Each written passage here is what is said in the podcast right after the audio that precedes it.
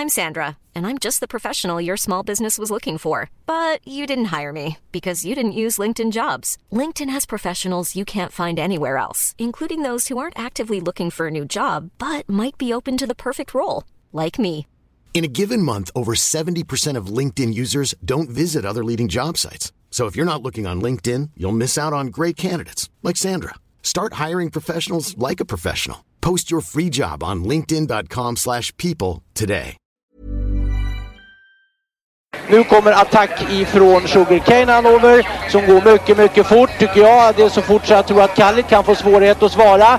Sugarcane Hanover vänder ut och in på fältet. Startbilen är i rörelse till Svenskt travderby 1987. What the horse, what the driver, nummer ett McLobel och John D. Campbell. Maharaja la Suède, Maharaja s'est retrouvé, le retour, le comeback de Maharaja le 17. på mina tillfällen. Jag trodde att det var en av de bästa hästar jag hade tränat för. Det tolkades på vis. Du behöver inte misstolka det längre, för det här är den bästa häst jag har kört och tränat någon gång. Eftersom det är tisdag så rullar Trottosports podcast eh, igång igen. Och i Falun vet jag, där sitter Magnus Stålberg och eh, håller på att spricka av vällust över sina V75-drag den här veckan. Ja, tänk. Kan det inte bli lördag snart? Ja, vi, håller, vi håller på det lite. Ja. Mm. Men det, det är lite extra den här gången, eller? Det, är ju, det känns ju oerhört. Först blev man helt frustrerad och sen händer det grejer. Det ska vi återkomma till. Ja. Och så vill vi tacka först och främst också till de som eh, stöttar oss via Swish eller kanske framförallt de som är pre- prenumeranter via Patreon. Jag är sådär osäker hela tiden om jag, om jag, jag skulle vilja nämna de som är prenumeranter. Läsa upp namnen som, som vi är så tacksamma över. Men eh, är osäker på om de vill det. Så att jag, det är därför vi, kör så här lite mer anonymt att vi tackar dem så mycket. Eh, Vill man då stötta oss eh, så kan man gå in på trottosport.nu. Där finns det instruktioner hur man bär sig åt. Vi kan väl säga det också Henrik, att, att vi till vår stora förvåning stöter på folk som inte vet att vi finns och som blir jätteglada av att vi finns. Så det betyder att det är många travintresserade som inte hittat oss än, så att ni som lyssnar, du som lyssnar, tipsa gärna en kompis som gillar trav som inte vet att vi finns. Verkligen. Jag har, Så blir vi ännu fler. fick ett par, eh, hade pratat med ett par, par travintresserade personer förra veckan som inte hade någon aning om att vi hade startat igång igen. Så det är helt rätt, så är det.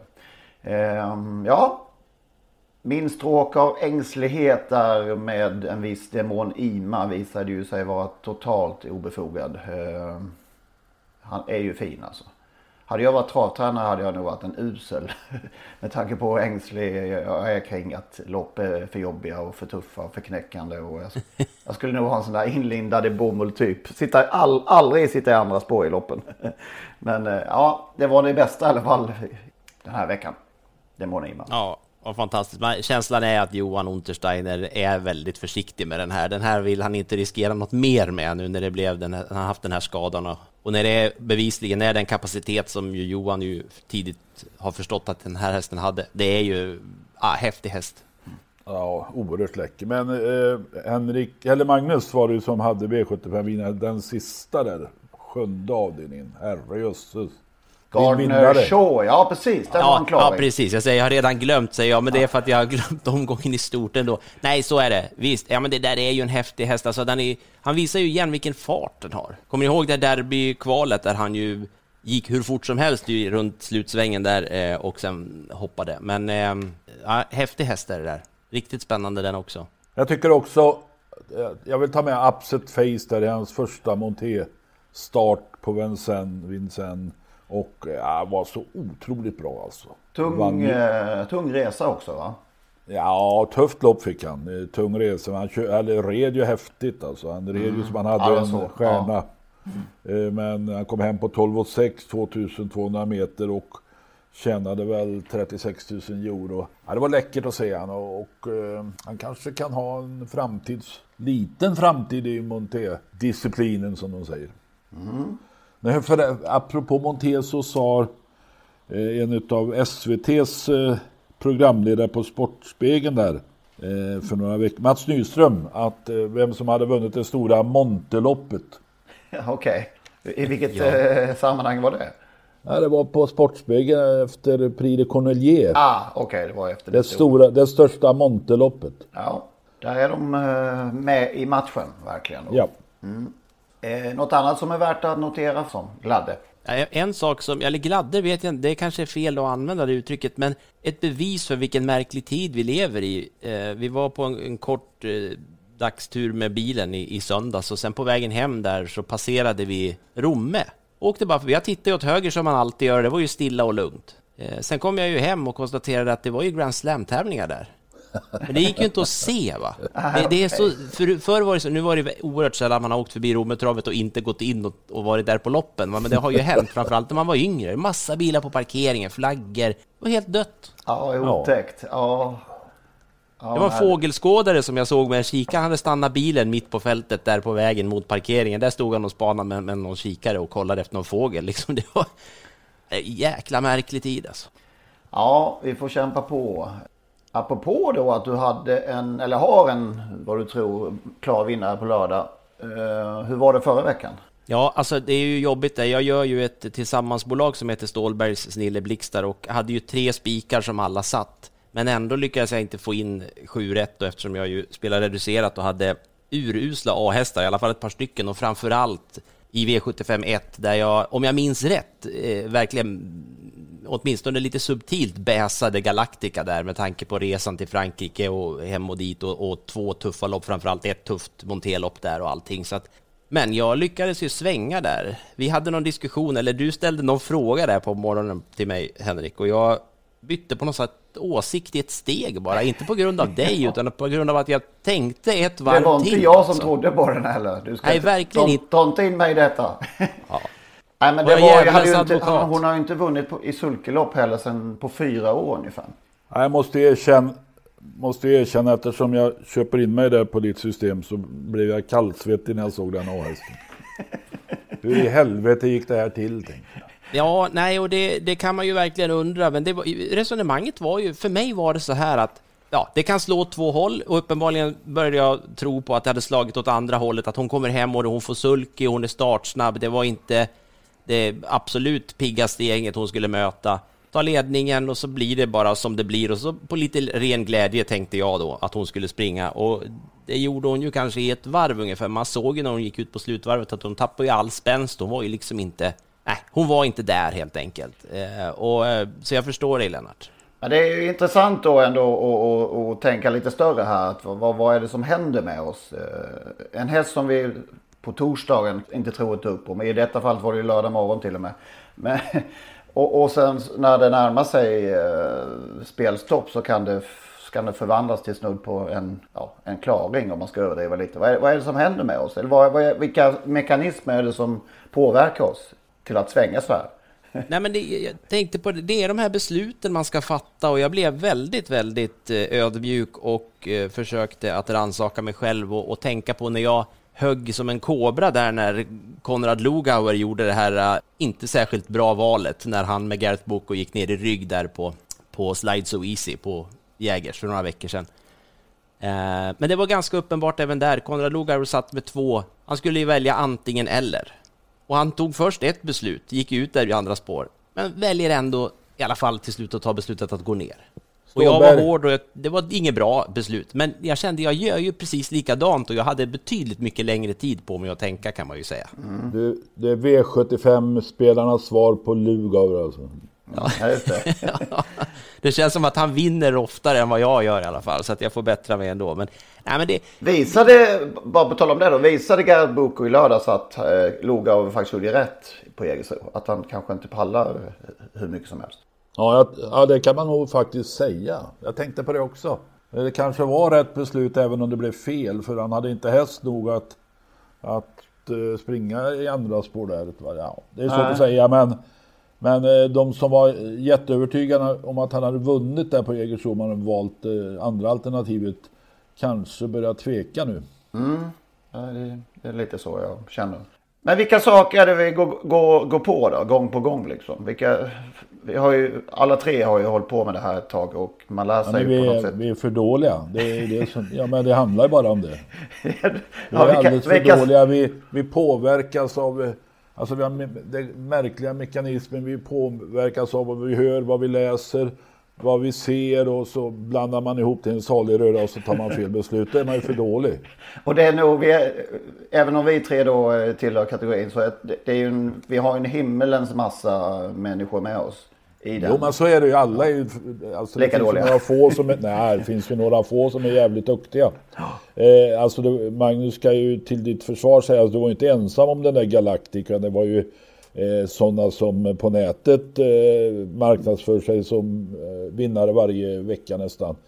Eh, I olika sammanhang med olika andelssystem. Eh, hade ju också den där Galactica som sin spik. Och det, ja, även för dem hade ju hästen inte vunnit i sulkelopp sedan 2017. Så att vi behöver inte skämmas allt för mycket. Men eh, jag åter säger det igen, vi är för dåliga.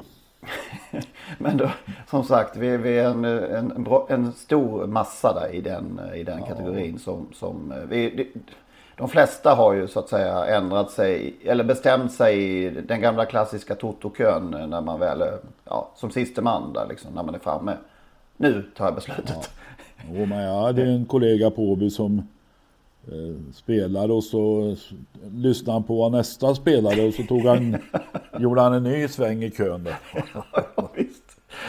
Ja, visst. Ja, men Toto spelar ett eh, sär, ja, märkligt folkslag som eh, tar orationella, irrationella beslut. Ja, Ja, men det är ju... Men vi vänder blad, vi vänder blad. vi har ingen lösning på detta. Det jag, vill, Nej. jag tänkte vi skulle komma fram till en lösning hur vi blir bättre Nej, här. Men det, det, ja, ja, det är bara att ge upp. ja, men man kanske lär sig något av eh, dåliga insatser.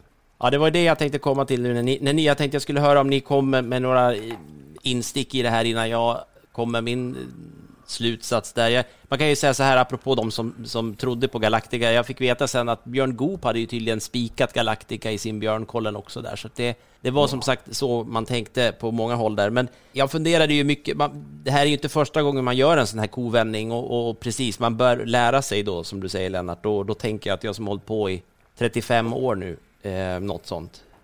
Vad har jag lärt mig då? Något har man ju lärt sig, men ändå tar man ett sånt där beslut. Men det, man brukar ju prata om det här med första tanken och det där är ju en liten floskel, det där, för att så enkelt är ju inte trav att det ska vara bara se en startlista och så får man en idé och sen ska man hålla vid den. Det vet ju alla att det funkar ju inte heller, men man, man ska ändå lite ändå våga, lä, våga lita på det man har lärt sig genom åren, vilket jag ju inte gjorde nu. Jag hittade ju på någon ny teori där när jag pratade med Henrik och, och, och hittade någon slags halm... Jag, jag vet, jag förstår. Nej, vi, just det här att- aha, vi Ja. lägger det här bakom oss nu. Vi, Ja, vi ser framåt. Det är ändå intressant, eh, det är ändå intressant att, att teoretisera vilka, vilka, vilka liksom, eh, Vilka stollar vi är. ja, och vilka saker vi går på liksom. Ja. Ja, det finns inte en, in- inte en travintresserad som inte känner igen ämnet i alla fall. Som inte, alla förstår vad vi pratar om. Och annars så ljuger de och det grövsta. Ja, de får gärna mejla. Finns det ett svar? Det. Mejla det. till- Klarar ni av vår mejladress, eh, berätta gärna för oss. Ja. Podcast.trottosport.gmail.com Idel öra, vi ska ta upp varenda råd. I alla fall ska jag läsa dem. Ja, du kan förmedla dem till mig sen. Då.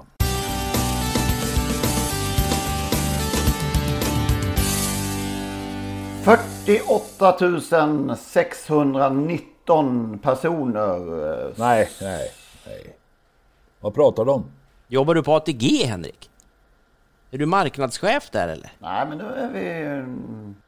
Ja, men det, det, var inte per, det var inte personer ju. Nej, jo, men det var ju det. Åskådare. När Shaman Ah, vann.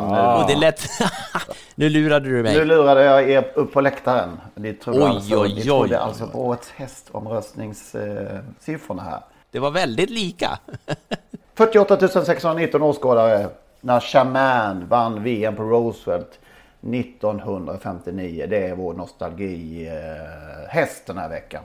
Ja, det beror ju på att han har vunnit Prix de France tre gånger. Prix de France avgörs på söndag. Han vann just det. 58, 59, 60. Han hade ju, det var en riktig eh, lyckoträff här när han vann VM. Eh, han var ju, det var ett uruselt år i övrigt men eh, just när det var VM så lyckades han hitta någon slags formtopp här. Nej, det har du fel. Ja, jag skojar. Ja, du Vilket menar år- så. Ja. Vilket år! Ja, vilket år ja. Så var det ju. Eh, alltså, jag funderar när man läser om Saman att vi pratar om Varenne och Facetime Bourbon och de bästa hästar vi har sett. Moneymaker och allt Ja, vad det är. ja. Men Chaman. 1959 han vann alltså Prix de Amérique, Prix de France, Prix de Paris. Alla de tre loppen där. Fortsatte att vinna Grand Criterium de Vitesse i Nice. Elitloppet. Men för att han skulle komma till Elitloppet så krävde ägarinnan Madame Röderer, det här champagnehuset i Reims, krävde att, och tränaren Jean Riod att det skulle då köras över lång distans och det, då vek sig Solvalla och körde över 3200 meter. Enda gången över 3200 meter. Tänk om det skulle inträffa idag. Att de skulle Ja, komma. ja. Jag vill säga att Gurato säger att jag kommer till Solvalla om ni kör över 2700 meter. Ja, just det. Elitloppet har för övrigt körts över eh, 2700 meter vid två tillfällen och just det här 3200 meter övriga kortdistans sprint. Eh, han vann, eh, Ramin vann det nyinstiftade VM-loppet. Det var första gången det kördes, trots galopp tror jag till och med. Eh, och eh, som du sa Henrik, 46 000 var det väl va? 48 000. Adept var med med Torsten Jonsson. Vi kan väl lyssna lite här hur det lät. At Roosevelt Raceway, it's the $50,000 International Trot, the first harness race here to pit top foreign entries against American trotters. The Italian Tornese sets the pace early in the mile and a half event. Trader Horn, top U.S. entry, is second. Rounding the first turn, Chemin breaks stride. But the artichoke-eating French champion straightens out in fourth place.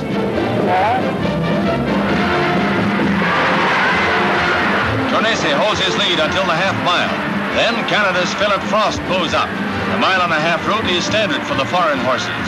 American entries are used to the mile. Watch him at the far turn. Philip Frost still in front, but he breaks stride, and Trader Horn goes into the home stretch lead.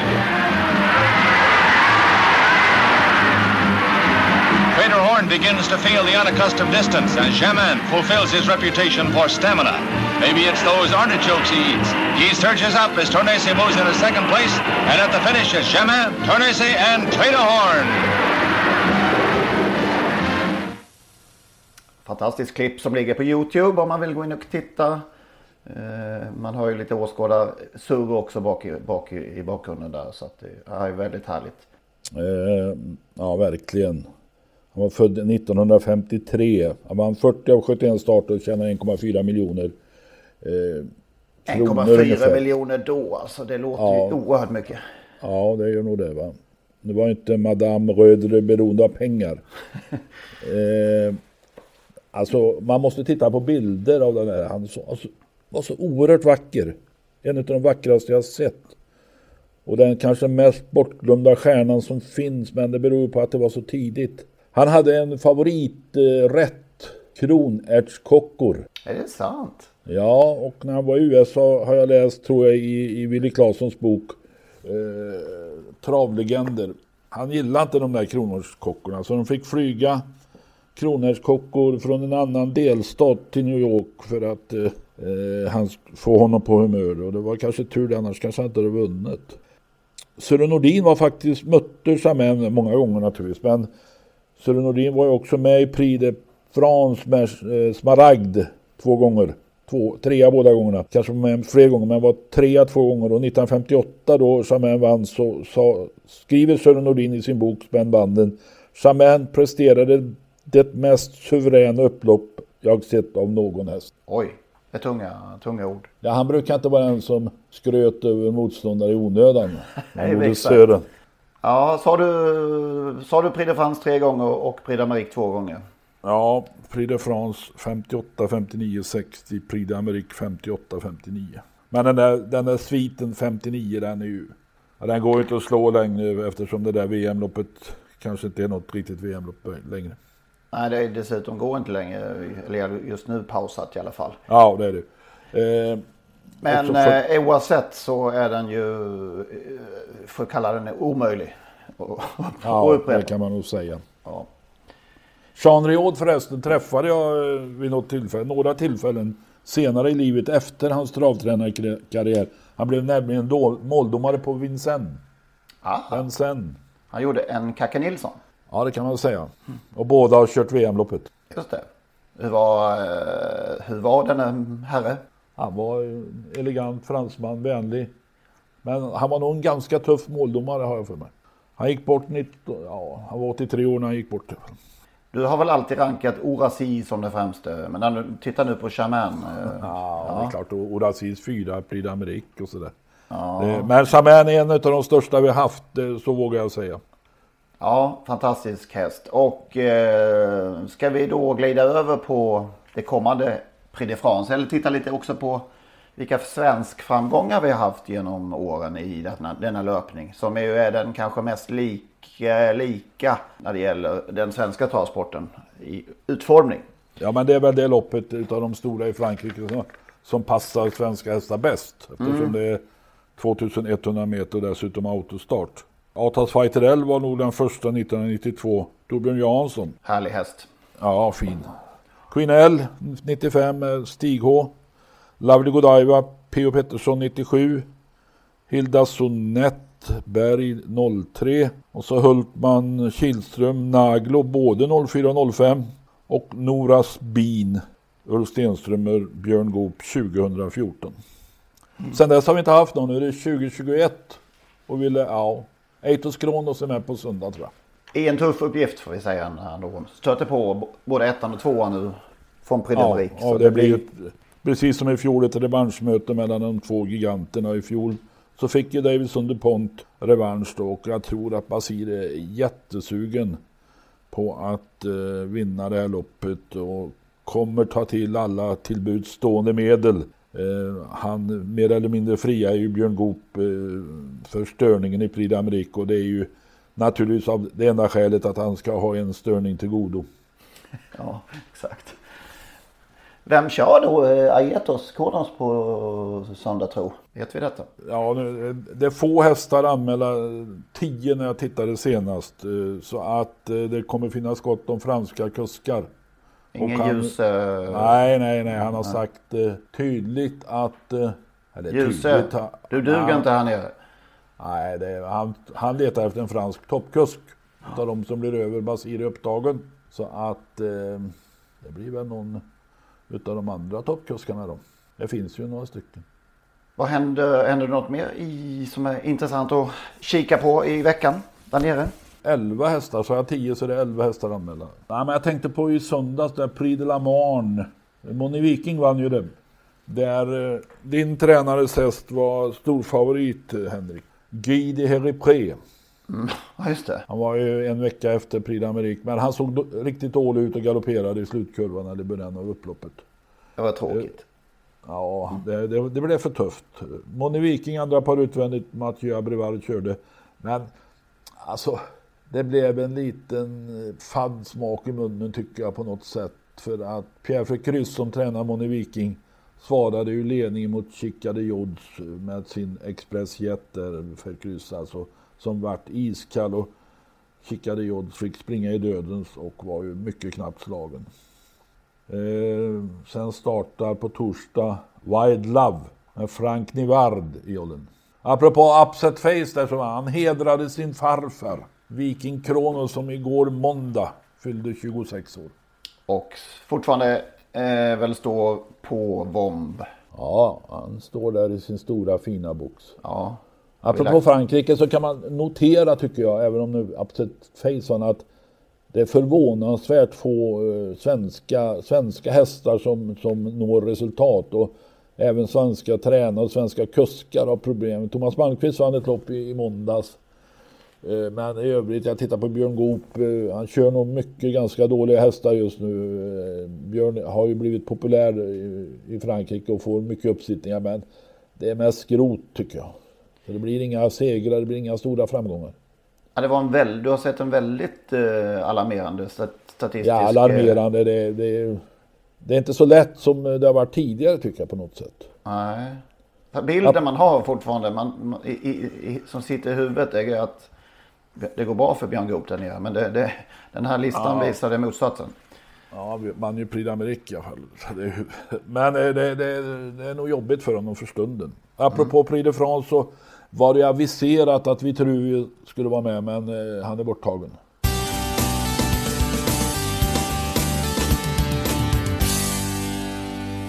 Som sagt, lika många åskådare som det var när eh, uh, Jamen vann VM 1959. Lika stort antal röster, eller begränsat antal röster kanske, var det som röstade i eh, uh, årets häst. Cirkusen där som vi var inne på förra veckan. Trots att då uh, var och en hade kunnat göra hur många röster som helst så blev det bara 48 000 totalt. Och årets häst blev alltså Hail Mary som väntat. Alltså jag är bara intresserad av hur många som röstar, inte hur många röster. Nej, precis. Jag, eftersom man kunde rösta fyra gånger om dagen och kanske över hundra totalt så säger det ju egentligen ingenting. Nej, det säger mer om att det var, måste ha varit en jättebesvikelse. Men hur många röster fick, eh, hur stor procentandel av rösterna fick eh, Hail Mary? 70, 73 procent. Jag tittade, jag, det, det, var faktiskt, totala antalet röster var 44 680. Så det var inte ens 48 000. Jag hade faktiskt det i huvudet, men det var tydligen 44 680 röster. 73 procent på Hail Mary. Mm. 11 på Diana Sett som var tvåa. Det måste ju vara någon som har, eller alltså ett antal som har utnyttjat möjligheten att rösta många gånger för att Hail Mary borde ju vunnit med 90 procent tycker jag.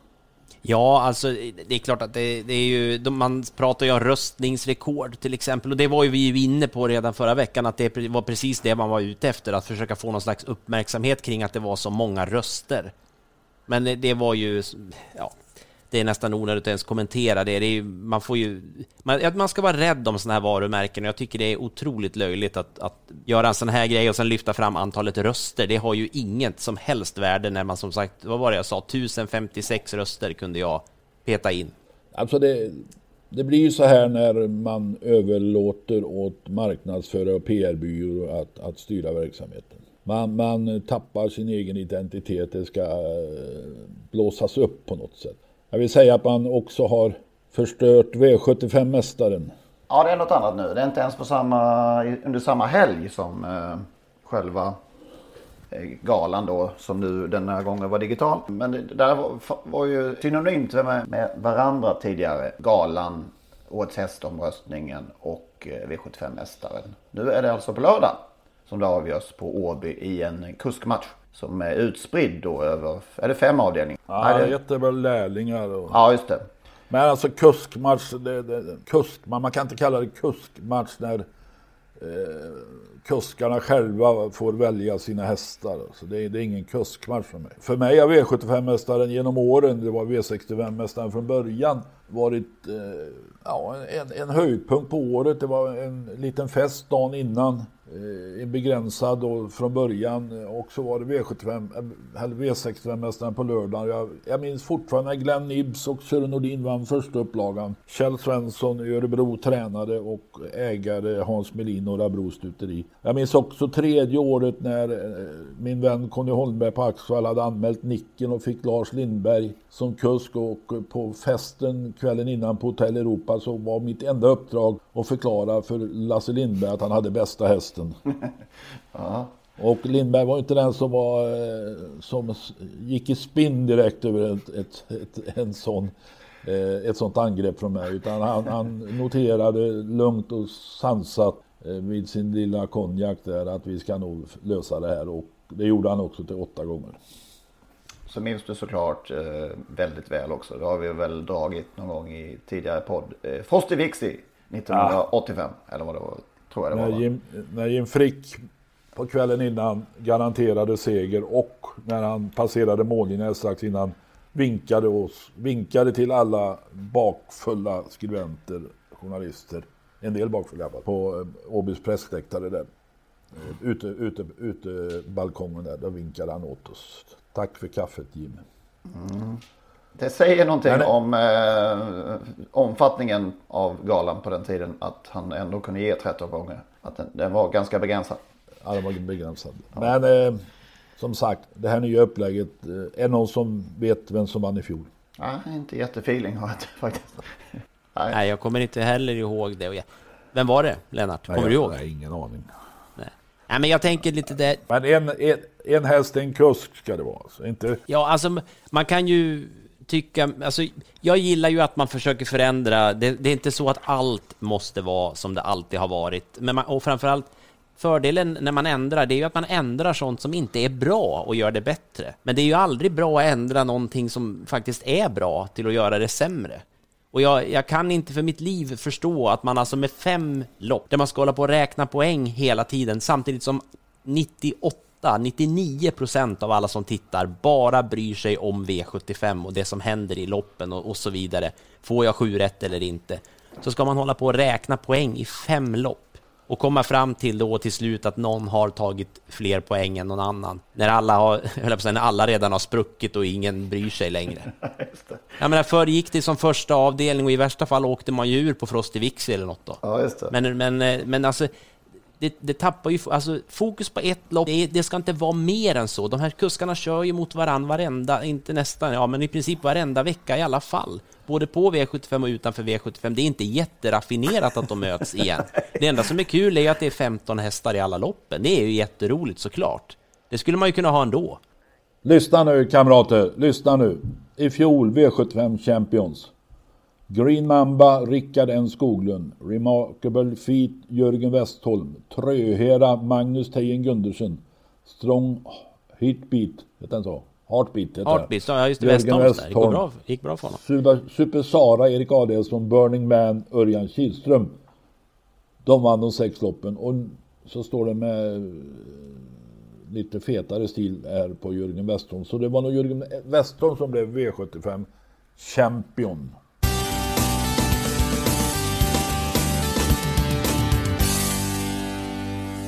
Snygga ekipage. Vi drog ju nog igång någonting ändå förra veckan. Eh, som vi misstänkte kanske. Det kom några kontringar. Faktiskt. Flest, eller det var i alla fall ett par tre stycken var det väl. Som kom in med samma och det var per Park Avenue Cathy. Eh, Läckarstoet med Göran E Johanssons eh, vitröda dress. Det var mest vit var den väl och lite grönt möjligen också. Eller? Ja, för man svart och gult. Nej, just under den perioden då hade han en eh, vit och röd dress. Ja. Väldigt elegant ju. Hela ekipaget som sagt. Lite obehagligt där eftersom vi nämnde med Profit och Lars Gustafsson att det var ju ja. båda de hästarna som åkade ut i den här hemska olyckan i Italien. Nili Lobel och Johnny Takter är min ungdoms favoritekipage. Sista söndagen i maj var de alltid med och Johnny i sidendress och eh, bakom sitt fina sto. Solen lyste alltid över henne och alla andra. Det kan man väl hålla med om också. Absolut.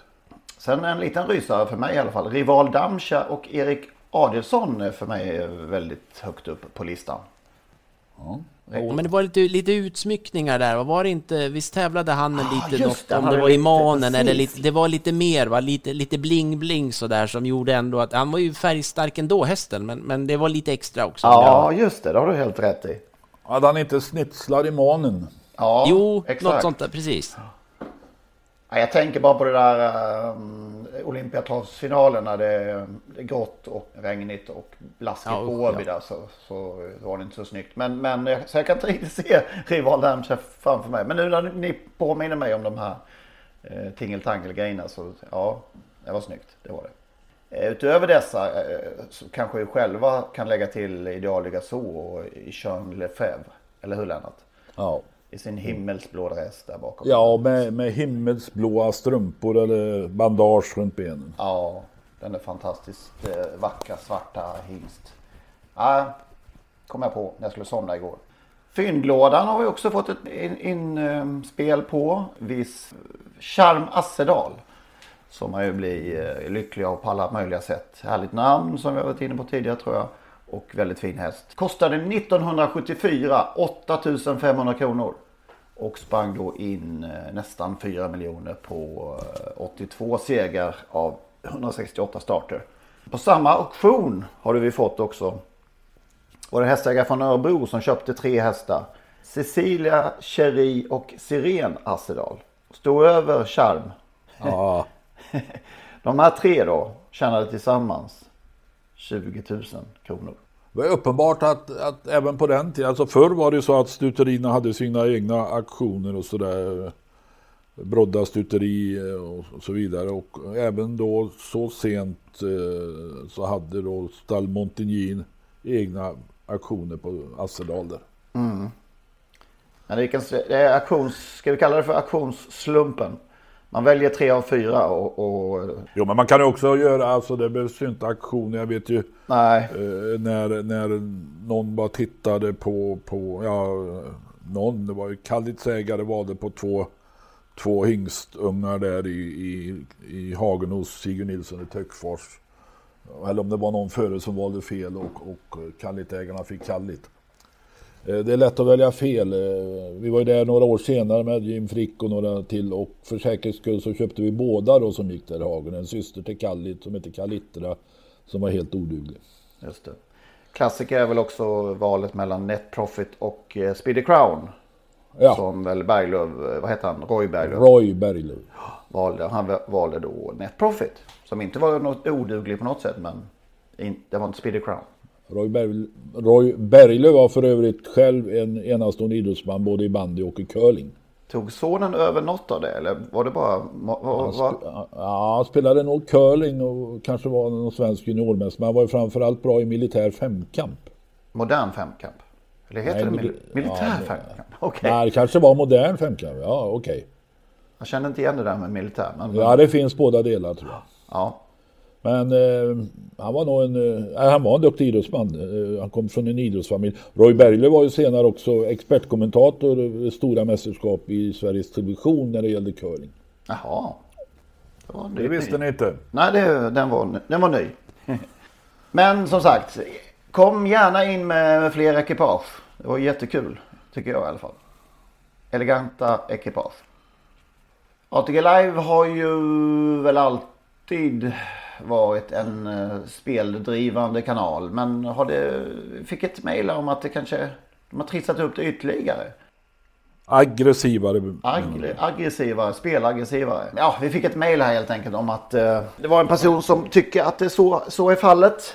Man tittar hela tiden på vad, vad, vad som står i uh, vilket odds. Och Mejlaren skriver här, droppen för mig kom när man inför dagens sista lopp på Färjestad för några veckor sedan uttryckte om man nu har några slantar kvar inför sista loppet, vad ska man då satsa dessa? Och det kanske inte är det, det mest smakfulla. ja men det är ju för fan ett rent hån åt alla idioter som håller på med det här. Jag tar åt mig det. Har ja. pengar kvar.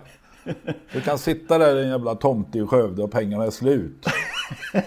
ja, det är sådana Ja men nu måste, sista loppet när man var på banan, eh, nu måste jag hitta någon så jag vinner, så jag, så jag, så jag kan gå jämnt upp. Räddningsplankan. Den berömda räddningsplankan. Ja, just det. Ja. ja. Så kan man ju formulera det istället. Ja, just det. Jag menar, det är ju egentligen samma sak. Men, men ja, nej, alltså det är ju inte, det är ju inte klokt hur, hur man kan sitta och hyckla med med alltså spel och stödlinje och allting sådana uppmaningar som ju ska stå i finstilt. Alla spelbolag har ju de här stödlinjen och så vidare. Och ATG.se som har den här inbyggda påminnelsen. Nu har du varit inloggad, hm, hm, vill du vara inloggad längre tid? Som ju då ska vara ett alibi för att man inte ska sitta för länge utan att bli uppmärksammad på att man är på en spelsajt. Det har, då tycker man att man tar ansvar då, pliktskyldigt, och sen har man det här hela tiden. Alla fattar, ATG vill ha omsättning, absolut, men det blir ju larvigt att sitta och säga, och det är ju faktiskt riktigt korkat att sitta och säga om man har några pengar kvar. Det, man blir bara trött när de säger så. Långnäsa! När de slutar dölja liksom vad de har för syften till och med, då har det ju, de, de blir, bryr sig ju inte längre. Långnäsa och torskarna. Jag kom på en sak nu. Mm. Eh, om man spelar på trav på Svenska Spel, vilket man kan göra ibland. Eller vilket man kan göra och jag gör det ibland. Eh, eh, då, eh, när man spelar så står det, kommer det upp en skylt, liten lapp där att du kan ångra dig inom 15 minuter. Dock inte efter att loppet har startat. Så du kan alltså makulera ett spel hos Svenska Spel om jag förstått det rätt. Mm. Mm. Jo, det är det man kan. Men precis, vi var ju lite inne på det förra gången också. Det är intressant och jag funderar mycket på det. Det är synd att man inte kan göra det efter start också. Ja, men hade det funnits i lördags kunde du ångrat dig om du kommit på bättre tankar gällande Galactica. Ja, men jag hade förmodligen spelat ännu mer när hon tog ledningen där. Så att det, ja, det, det, kan vara en farlig tjänst det också om spelet var öppet livespel. Det, det är, frågan är om vi kommer att få se det inom travet. Jag vet att det förs i diskussioner, men Mm. Det hade ju varit lite spännande alltså, kanske. Jag funderar på det där, man har lagt in kvintén och så kunde man, det kanske inte gäller kvintén. Kanske bara gäller på, på det de spelformer där de har egna odds, svenska spelarna. Kan man Nej, men man kan. Jag fick ju upp, eh, jag spelade nämligen Burning Man igår i Frankrike och det är ju, då är det ju Toto-spel så att säga. Ja. Eh, och då, ja. Eh, det står likadant. Den borde man annullerat. Jag tänkte säga det och så kom du på att det var ett dumt spel och då provade du och det gick Å andra sidan när de eh, börjar klättringen i den lilla uppförsbacken så hade du gärna velat kunna spela ännu mer. Ja, gud vad klar han var tyckte man. Han var dålig. Kan vi säga så? Ja, Oväntat svag. Svag, svag insats.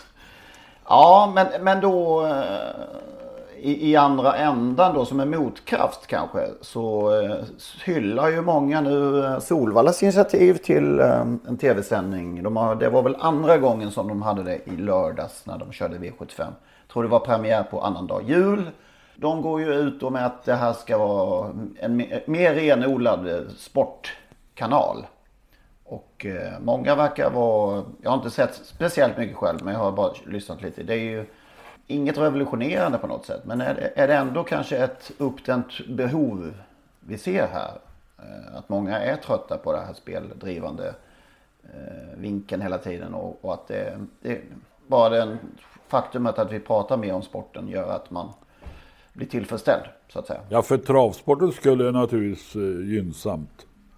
Mm. om det blir mer, jag har inte sett något, uh, jag tittar nästan bara uteslutande på loppen när jag ser på V75. Jag brukar gå ifrån tvn och syssla med något annat mellan loppen. Uh, beroende på att jag orkar inte med för mycket tjafs höll jag på att säga. Men det kanske är så att, att sporten behöver en renässans där att man pratar om hästar och stammar och det ena med det andra. Jag vet inte vad man pratar om men man slipper ifrån allt för mycket av de här teknikaliteterna som då Nybrink egentligen hatar. Va? Han spyr ju nästan när man börjar prata om bikar och barfota och huvudlag. Och... Sen finns det en del som aldrig kan prata om något annat. Kunskaperna kanske tryter, jag vet inte. Det är jäkligt enkelt att läsa, ur, läsa att den här kommer att gå barfota, den här kommer att gå med öppet huvudlag och så vidare. Eh, eller stängt. Så att det, ja varför inte. Men ska, om, ja, men det är lite mer åt eh, att man pratar om vilken kanske mm, ja, vilken stam det är och vilka släktträdet ser ut och hur, att det kostade så och så mycket på auktionen när den såldes på kriterie eh, auktionen 2015. Ja men lite mer sånt surr liksom. In, inget nyskapande så men, men det kanske är det här kontrasten som gör att jag ska titta nästa gång tror jag. Mm. Jag blir lite intresserad. Men eh, sen kan man ju dra, dra det i förlängningen. Om alla banor ska ha egna sådana sändningar vore väl jättebra då. Men det blir ju jävligt dyrt gissar Man undrar ju som sagt hur, om, det, om det finns någon finansieringsmöjlighet för det. Ja, men sen kan man ju undra hur, hur stor publik finns det? För jag gillar ju absolut tanken på att man, man eh, nu har vi, jag har ju precis talat om vad jag tycker om det här speldrivande pratet så att det är ju ingen jätteskräll att jag tycker att det är bra att man pratar om sporten, men frågan är ju hur stor publik det finns. Vi kom vi fram till innan vi tryckte på startknappen när vi skulle spela in det här att, att man kunde se Solvallas tävlingar på fyra eller fem olika kanaler, strömmar va? Mm. Solvalla hade två, två, två olika sändningar, eller uh, feeder heter det väl nu för tiden. Ja, precis va. Och sen hade då ATG Live och då eh, tv-sändningen helt enkelt. Och sen har vi Comhems mixvariant som ju då är en blandning mellan, mellan tv-sändningen och ATG Live där man ju hoppar över den traditionella tv-reklamen. I, I de avbrotten går man in till ATG Live. Då. Så vi, vi kommer på fem, fem kanaler, om vi kallar det för det, då, att välja på. Och då kan man ju undra hur många tittar på respektive för det första och, och eh, det Lennart är inne på också, det, det, det, det, är inte så att travsporten badar i pengar. Vi vet ju att kanal 75 har en, ett eh, rejält konto. Det kostar ju mycket att bara producera kanal 75 och Solvallas egen sändning har jag ingen aning om vad den kostar och jag vet inte heller hur många som tittar och det, jag har inte titt, jag hörde Ola Lernås Ola Lernås eh, röst i tv-sändningen bara, men jag, jag hann aldrig titta på det. Jag glömde bort det just därför att man, man måste, även här, det är ju val igen man måste ju ändå välja vilken kanal, annars blir det ett jäkla hattande också, så kanske man missar något någonstans. Det, det, jag vet inte, travsporten är inte jättestor. Vi vill ju gärna hoppas på det och tro det, men så vi vet ju att den inte är det. Och frågan är hur många olika val behöver vi för att Samtidigt är mångfald titta. bra. Jo, men det, det är alltså, jag håller med om det. Jag, som jag säger, jag tycker det är jättebra att man pratar om sport och faktiskt är det ju så att det är väl eh, om man tittar man på golfen som ju är, nu är de ju väldigt, golfsändningar numera är ju extremt eh, bra producerade när det gäller att de har ju kameror överallt och kan ju visa i princip varenda slag, så det är väldigt lite dödtid, så det här Göran Zachrisson har varit så bra på att fylla tiden. Det behövs ju inte riktigt på samma sätt i golfen, men travet är ju en sån. Det finns ju en kvart mellan varenda lopp. Alltså tänk Göran Zachrisson som skulle sitta och han skulle ju kunna berätta de här historierna, eller Lennart, vad fasen in på och sitter och berätta alla dina minnen mellan loppen. Magnus, du vet det inte, finns ju tid. Du vet inte hur rolig du var nu. Göran Zachrisson, att fylla tiden. Ja, men han är ju proffs på, alltså han gjorde ju, jag älskade ju golfsändningarna. Jo. Jag vet inte hur Ja, många jag timmar tänkte jag på bara... just det där ordet att fylla. Ja, ja, du menar så ja. ja. Det, jag, jag har en Ja. fråga nu. Om ni såg det. Vad, vad tyckte vår vän Micke Nybrink om tupplåren? Ja, jag vet inte. Vad, vad tänkte du på? Nej men eh, åt de inte sin rekommenderade galamiddag? Ingen aning. Nej, jag såg ingen mat i, i sändningen. De var fint klädda, men... men ehm, Jag trodde de skulle äta den där, de där tupplåren där i, under galan. Det var, eller det var vi som satt hemma som bara skulle äta. Ja, det var vi som satt hemma som skulle snajda, snajda ihop det. Nej, det blir inte bra tv. Jag tror inte tupplår blir inte bra tv. Jag valde lammantrikå kan jag meddela. Ja, De hade det förmodligen så här är det. De hade en egen kanal för det. Ja, en sjätte kanal. Tupp 75. Ja, nej, den missar vi. upp 70. Ja. Men du, ja, ska vi lämna det där nu då? Tupp 75. Ja, det gör vi tycker jag. Du fick ett bryt i veckan Henrik. Ja, jag fick det faktiskt. Jättebryt. Ja, det är sällan jag får det numera. Måste, kanske folk inte tror, men, men, men eh, det är väldigt sällan jag kreverar på det sättet. Säger, säger man krevera längre? Säger folk krevera? Ja, Oh ja, Per- Per Skoglund lyfter fram alla såna här lite ovanliga uttryck med stor respondera och så. Han använder mycket sådana alternativa ord. Ja, Jobbar han mycket så krivera tycker jag absolut vi ska lyfta Ja. fram istället för bryt. precis. Eh, nej, men det, jag eh, skrev ju en eh, krönika på vår sajt, trottosport.nu, om Mariana Alavikola och hennes insändare. Det var framförallt det som jag reagerade på, hennes insändare kring drivningar då. Från ingenstans dök det upp, i, i alla fall i min, i, i min värld. Eller var det från ingenstans? Det var ju då Per, per Skoglund som, eh, den kände programledaren då, som eh, förra söndagen reagerade något alldeles väldigt över den här drivningen i... med, med all rätt. Med all, Med all rätt. rätt såklart. Jag gnäller inte Oh, på ja. tv-sändningen. Men, men, men Mariana Alvikola då som har varit tyst om allting. Inte reagerat över någonting överhuvudtaget. Har hon lyft någonting sedan hon tillträdde? Har hon passionerat stått bakom någonting? Har hon uträttat någonting konkret? Helt osynlig i princip. Men nu, nu, Ja, åh ja, åh ja, det pågår en djup översyn av det svenska reglementet. Okej. nej, nu, nu fan, Men nu sträckte hon alltså upp fingret i, i luften. Och ja, det fanns en öppen dörr att slå in. Ja, fullkomligt horribelt skolvuxen exempel av populism. Eh, nej, det var... Jag tänkte på det häromdagen när eh, Kristersson, Ulf Kristersson, Moderaternas eh, ledare, krävde att Sverige skulle utvisa en rysk diplomat som svar på att Ryssland hade utvisat en svensk. Och det var ju också att slå in en jätteöppen dörr, för alla visste ju att det kommer besked inom något dygn att Sverige också kommer utvisa, det är alltid så. Men då, då stod Bert, eller den här moderatledaren på jag kräver att Sverige utvisar en rysk diplomat. Ja, Ja, det var ungefär, det var ungefär samma som... ja faktiskt. Det är jävligt enkelt alltså. Däremot, Ja. inte ett, däremot inte ett ord om den trängning som kanske avgjorde Prix d'Amérique, att det får förekomma. Inte ett ord om att eh, trean i mål eh, egentligen är dopingavstängd. Eh, ja, det finns så mycket liksom. Men, men här, här, här kände vi att det var dags att kliva in tyckte då Mariana Alavikola. Ah, SDs ordförande ska vi säga att hon är då. UETs ordförande dessutom. Dessutom så hon har ju med mycket stora möjligheter att påverka saker. Borde ha i alla fall. Hon är Europa, trav, Europatravets största makthavare egentligen. Ja, det var länge sedan jag blev så provocerad faktiskt. Jo, men med, som sagt, med all rätt, jag menar, det, det är okej att, eh, att slå in öppna dörrar om man, om man kanske slår in någon stängd dörr ibland också, Ja. men det, det gör hon ju inte. Det händer ju inte, och, och då blir det ju precis som du skrev, Henrik. Det, det är klart att man, man blir ju... Eh, det finns liksom inga ord, du skrev det så bra, finns på trottosport.nu. Det, det är, man, man orkar ju nästan inte ens... Det var bra att du orkade bli så där arg. Mm. Men man blir ju också uppgiven, för det finns ju... Det är ju där vi, det, är det som är det farliga hela tiden. Att, att, folk, att man är uppgiven. Ja, jag vet. Och eh, till slut så kanske, ja, även jag är ju det emellanåt. Ja, vi kan Ja. säga att din text har ju blivit den överlägset mest lästa texten sedan vi nystartade på trotsosport.nu i alla fall. Många har läst den och eh, det är bra. Så jag tror att eh, jag tror att din åsikt är delad av ganska många där. Hoppas den även har nått uh, Mariana. Hoppas jag. Ja, man hoppas ju att, eh, som sagt, slå in någon stängd dörr också.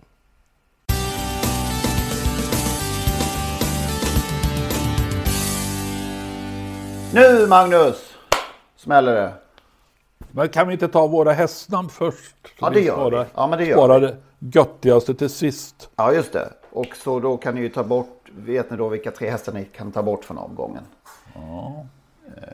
det håller Det håller i i sig problem. Jag hade ju dessutom, Galactica var ju mitt namn Just förra det, veckan det dessutom. Det borde jag väl ha fattat. Det skulle ju varit det som... var det, det, var det första du sa förra veckan. Ja, det, återigen, följ det första tanken och var konsekvent. Det är väl det, var konsekvent. Ja, Ja, Ja. jag slår till på Belmondo. Jag tyckte det var svårt den här veckan, men det, det tycker jag är snyggt. Belmondo eh, V75 3 nummer 8. Vet inte om den kan vinna, knappast.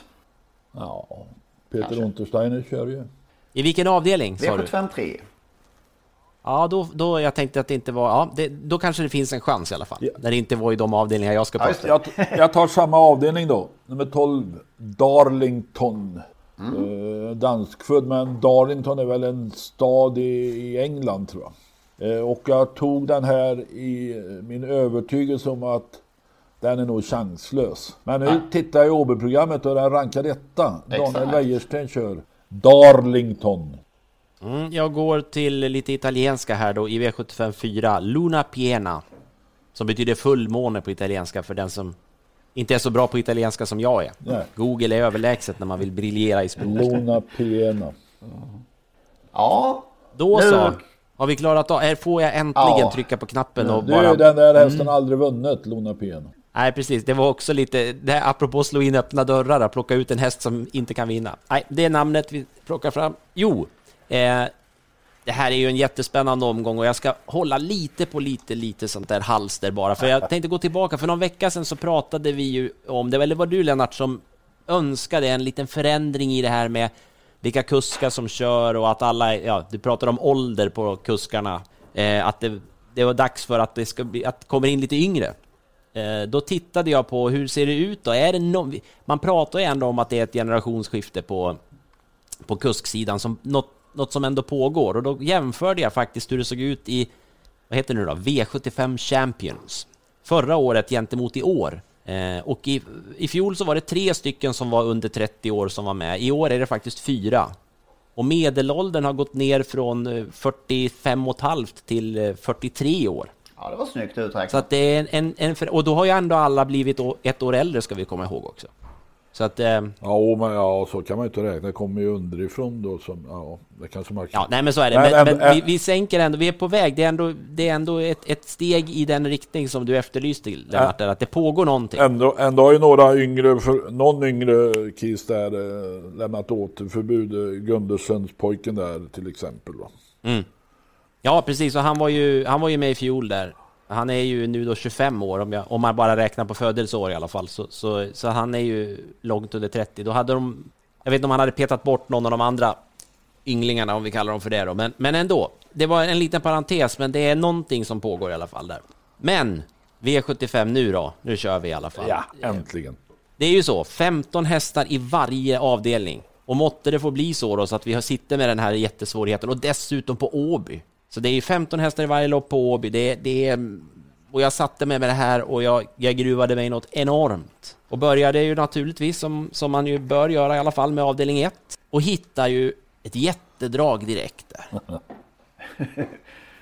Vi är ju så tidigt i veckan här nu så att, eh, att göra någon slags streck... Jag, jag är ju inte inne, jag är ju, tillhör ju inte de som är tok inne på att hålla på och prata om streck och spelvärde och på det. Det är V75, det är sju lopp. Det är klart att det är jättemycket roligare att gå på en häst som är sträcka på 1% än 90, men i grunden handlar det om att de ska vinna och sen får det inte bara bli 90% Det fattar ju alla.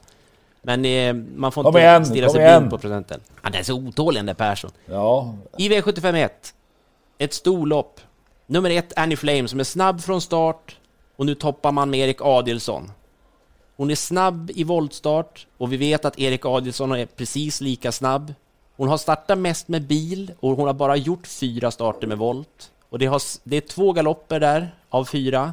Och då kan man tänka, ah, då är det de mycket auto och lite volt, då är hon väldigt knepig i volt. Det ser inte så ut tycker jag när man har tittat på loppen för de här två galopperna. I det ena fallet var hon på väg till spets och då var det in i svängen som hon felade. Och andra gången då, gick, eh, då valde Marcus Svedberg att gå ner i rygg på den som hade tagit ledningen och då var det väldigt stänk i banan så det såg ut som hon blev bara helt enkelt, hon fick stänk och blev rädd. Men hon eh, gick utvändigt ledaren senast, Danny Flame, och fick alltså stred jättebra mot Erin Sett som gick med i rygg hela vägen och som tog sig förbi på upploppet. Erin Sett är ju just nu jättefavorit i det loppet. Och det är från bakspår då, spår 8. Noterar ja. vi då att uh, Andy Flame var mer spelad i, den, uh, i det mötet? Ja, det stämmer, precis. Uh, och just den här, det är ju otroligt kul att det är så stor skillnad just nu. Jag hoppas det håller i sig. Gör det knappast. Uh, ska vara så här. Nej, nej, inte efter detta nej. Men som sagt, Erik Adielsson från bra läge i voltstart. Jag, jag, det enda brasklappen är väl att det är på Åby. Det kan ju komma hästar från alla håll här va, men, men Annie Flame tycker jag svarar bra på hästar och, och, och sådär så att jag... Den kör vi på. Ja, hon är ju naturligtvis jätteintressant. Ja. Eh, i, sen kommer vi direkt då till avdelning två. Ja, just det. Det, det, det, det, det Svårigheterna fortsätter, tänker alla. Nej, nej, det är inte svårt alls. Vi tar en ny lågprocentare bara. Eh, här är ju... Eh, det ser ju lite intressant ut det här loppet därför att eh, Magnus Djuse kommer förmodligen att bli ganska stor favorit med den här Bold Höjveland. Men det är ingen startsnabb häst och han har inte, han har inte sprungit in så mycket pengar heller. Han har ju åtta starter och sex vinster så att det ser ju, på, ser ju bra ut. Men... Det är den sjukaste oddsrad jag har sett tror jag. Ja. Fem senaste starterna. 1,00, 1,30, 1,18, 1,18, 1,30. Jag har aldrig sett något liknande. Ja, ja. Nej, men, men den, alltså den här Bold Höjveland, det, det syns ju att det är en häst som, som kommer att kunna springa in mer än de drygt 100 papper han har på sig nu då. Men jag tror att Stora är Norrland ingen... är delägare i den där. Robert Karlsson. Ja, okej. Okay. Ja. Eh, och det, det, är väl så här att, att, han är ju ingen snabb från början den här hästen. Han kommer ju att åka, det är ju ett, ett spårtrappelopp det här, så att han kommer ju att åka tillbaka till de hästar som finns, som har betydligt mer pengar på sig. Han hamnar en bit bak Men, från början. Magnus, och så ska för helvete, vi vill inte veta vilka som förlorar, vi vill veta vem som vinner. Jag ska ju förklara hur han vinner också, den här. Ja, ja, ja. Men den, du har bara pratat om den som ska förlora. Ja, precis.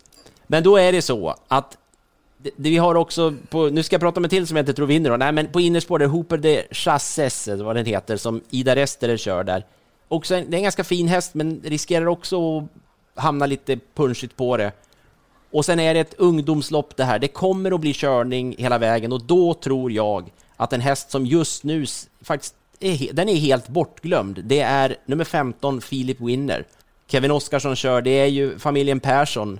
Stefan Persson, Linda Persson och eh, Axel Persson. Alex. Eh, Alex, Alex. Alex Persson, förlåt. Men det är Linda som tränar. Filip Winner är en jättefin häst för klassen. Han står ju tokbra inne penningmässigt. 15 spår är ju naturligtvis inte kul, men som sagt, spårtrappa, körning hela vägen. Det är bara att vrida på till slut Kevin, så är det klart. Tack. Och det är ju långt under 10% sträckmässigt. Ja, gå vidare. Och sen, nu blir det snabbt. V755, där vinner nummer ett Bugatti Miles. Örjan Kihlström kör, Daniel Redén tränar. Såg fantastiskt fin ut i debuten för Redén. Och han har ju visat tidigare hos Per Nordström att långdistans, det är inga problem. Jag kan inte se Bugatti Miles förlora det här loppet, över 3000 meter. Just det, den har gått till Redén där. Just det. Spännande. Ja, såld till Redén. Såld till Redén. När gör min, eh, min älskling debut för Redén, eh, den här mm, Honey Meras gick väl dit också. Det ska ju bli spännande framåt vårkanten. Honey Meras? Mm, min söta häst som jag hyllade. Ja, gånger. det var från Untersteiner. Just det. Den längtar jag efter. Om vi nu har några pengar kvar till avdelning 7 då? Just det. Exakt. Eller lopp 12. Ja, eh, ja just Så långt... Jag, jag kom ju inte Nej. så långt um, i, i det loppet, eller i, eftersom jag hittade alla vinnare så tidigt mm. där. Men, men, Något ska som sagt eh, lyssnarna göra själva. Mm. Ja, ja vi, vi kanske ska... Och som sagt, det finns gott om hästar att välja på den här veckan. Ja, ja för mig bara det flimrar framför ögonen när, när jag tittar igenom den där omgången. Det jag säger som Axel gjorde en gång, Björn Axelsson, som i ett sånt där tipsprogram inför v Det var väl en sån här Dagens Rätt-sändning som han var gäst i. Och stod då och rekommenderade, apropå spel, äh, aggressivt eller inte, att det var läge att stå över den här omgången. Sen var Axel aldrig ja, med mer, så kan man säga. Mer Axel i ja, verkligen. Jag måste får man nämna hans klassiker också när, när det blir från Solvallas press när det blir mycket omstart och han tröttnar liksom, han ledsnar. Det. Ja men det är inte lätt för dem alltså när man byter. Man byter startkommandona så ofta som man gör. Det man, man får ha förståelse för det. ja. Alla ägor att stå över, det, det, ska man inte säga i tv kanske. Ehm, då blir man inte långlivad. Ja, men du står inte över. Du spikar som sagt de här tre förmodligen då, eller i alla fall ja, alltså man är ju frestad att göra ja, det, det naturligtvis med, med, den, med den öppningen. Nu har vi ju så många lyssnare så att om alla följer detta så då, då kommer ju Per Skoglund i tv-sändningen inte att fatta någonting efter Nej. två avdelningar när värdet är 114 kronor på två singelprocentare där. Men, men, ähm, nej, men det är ju jättekul. Det, det, här blir ju en riktigt rolig omgång att fortsätta grotta i. Det tar längre tid än vanligt i alla fall. Det kan man säga. Mm. Vi säger tack och bock. Så hörs vi om en vecka. Det gör vi. Ja, det gör vi. Hej då! Hej, hej. Hej då!